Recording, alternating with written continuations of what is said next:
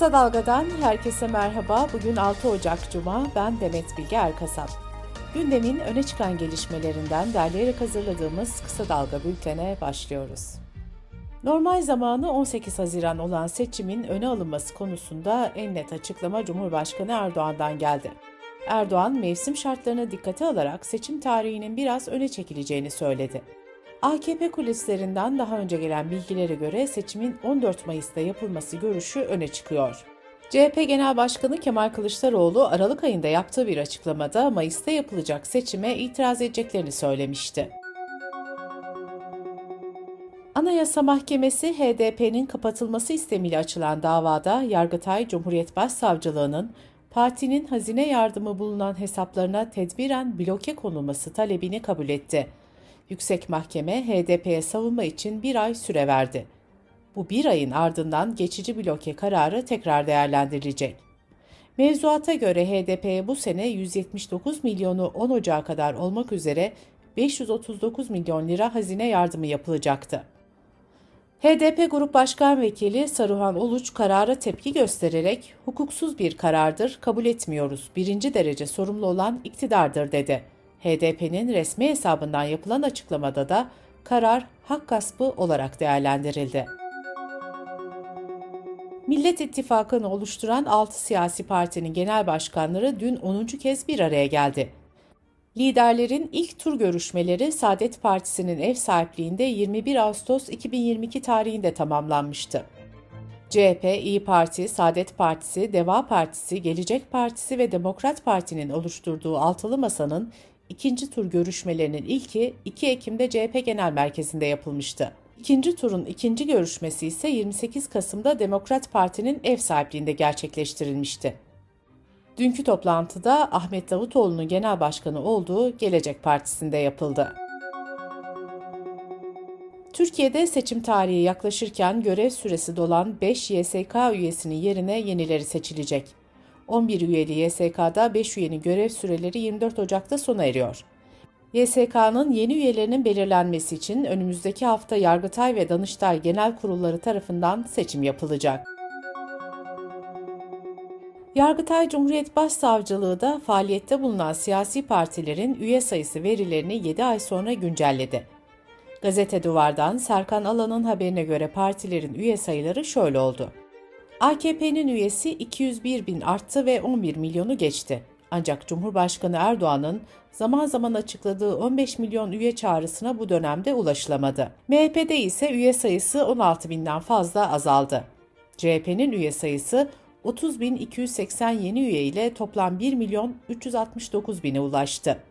İyi Parti'de de üye artış eğilimi gözlemlendi. 7 ay önce yayınlanan verilerde 568.918 üyeye sahip olan İyi Parti 600 bin barajını geçti. HDP de üye sayısını arttıran siyasi partiler arasında yer aldı. Parti 2084 üye artışıyla 45.302 üyeye ulaştı. Saadet Partisi'nin son 7 ayda üye sayısında 8 bine yakın azalma kaydedildi. Buna karşın Yeniden Refah Partisi ise üye sayısını 54 bin arttırdı. Konya'da Büyükşehir Belediyesi'ne ait barınakta bir köpeğin kürekle vurularak öldürülmesiyle ilgili yargılanan iki sanığın tahliye edilmesine tepkiler yükselmişti. Konya Cumhuriyet Başsavcılığı sanıklar Murat Bacak ile Sefa Çakman tahliyesine itirazda bulundu. Kısa Dalga Bülten'de sırada ekonomi haberleri var. Kamu emekçisi ve emekli maaş zammı önce %25 olarak açıklanmış, daha sonra %30 olarak revize edilmişti. Maaş farklarının ne zaman yatacağı belli oldu. NTV'de yer alan habere göre memur, sözleşmeli ve memur emeklileri 15 Ocak tarihinden itibaren maaş farklarını almaya başlayacak. Emeklilikte yaşa takılanlar düzenlemesini içeren kanun teklifinin gelecek hafta meclise sunulacağı belirtildi. Teklif 8 Eylül 1999'dan önce çalışmaya başlayanları kapsayacak.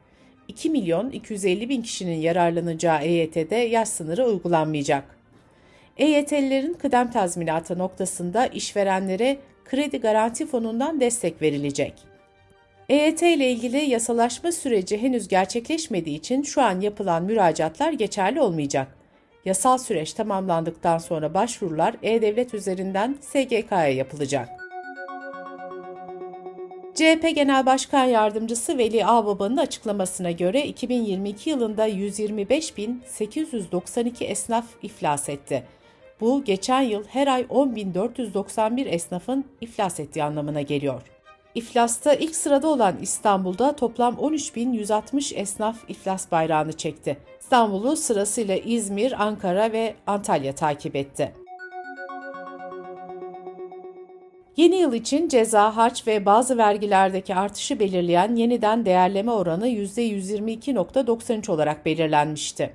Bu orana göre yeni pasaportların fiyatı 501 lira oldu. 6 aylık pasaportun bedeli 689, 10 yıllık pasaportun bedeli ise 3295 liraya yükseldi.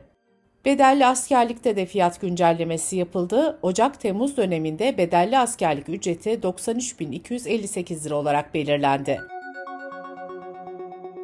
Ticaret Bakanı Mehmet Muş'un geçtiğimiz günlerde 4 zincir marketin yöneticileriyle görüşmesinin ardından zincir marketlerden peş peşe fiyat sabitleme açıklamaları geldi. Migros 419 temel ihtiyaç ürününde sabit fiyat uygulaması başlattı. Şok Market'te Ocak ayı boyunca 1000 üründe sabit fiyat uygulamasına geçti. Son olarak Carrefour'sa da 20 bin üründe %20'den %40'a varan indirimler uygulanacağını duyurdu. Hazine ve Maliye Bakanlığı milyonlarca çalışanı ilgilendiren 2023 yılı Ocak-Temmuz dönemi için kıdem tazminatı tavanını belirledi. Genelgeye göre Ocak-Temmuz 2023 döneminde kıdem tazminatı tavanı 17.904 lira 62 kuruş oldu.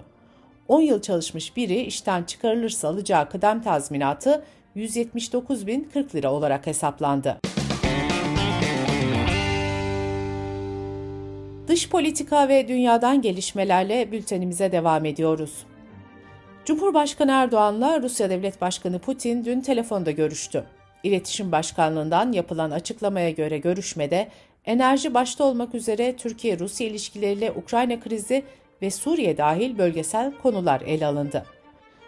Erdoğan dün partisinin genişletilmiş il başkanları toplantısında bu görüşmeden söz etti. Türkiye ile Suriye arasındaki temasları da hatırlatan Erdoğan, bakanlar arasında bir görüşme gerçekleşecek. Daha sonra gelişmelere göre liderler olarak görüşeceğiz. Amacımız bölgedeki sükuneti ve barışı sağlamak, dedi.